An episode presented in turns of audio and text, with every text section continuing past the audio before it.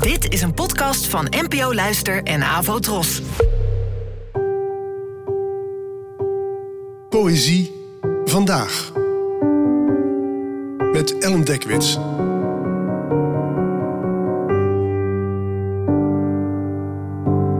Hallo, fijn dat je luistert.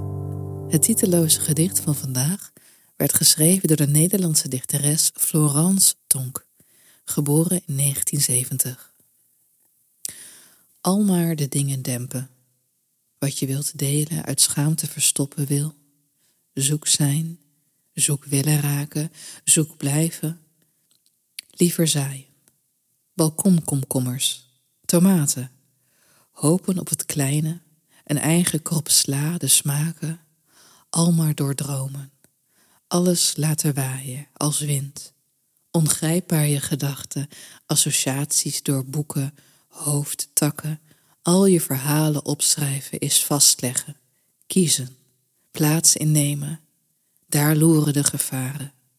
Daar loeren de keuring en de schaamte. Al dit kleins. Al dit mij. Wie wil het weten, als de wereld zo groot en woedend is? Liever eigen groente eten. Een vriendin wees me op dit gedicht en zei dat het typisch is voor deze tijd. En ik ben geneigd om het met haar eens te zijn.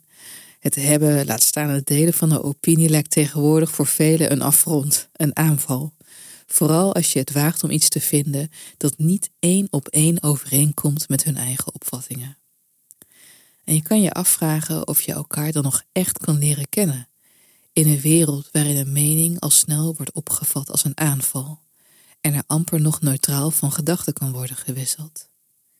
En dit maakt ook het schrijven soms lastiger, zoals ook in dit gedicht zo mooi staat. Opschrijven is vastleggen, kiezen, plaatsen innemen. Daar loeren de gevaren, daar loeren de keuring en de schaamte. Prachtig.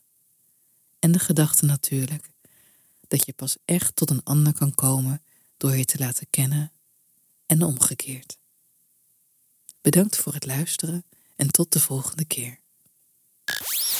Abonneer je op deze podcast via de gratis app van NPO Luister. Daar vind je ook een handig overzicht van het complete podcastaanbod van de NPO. Afro Tros, de omroep voor ons.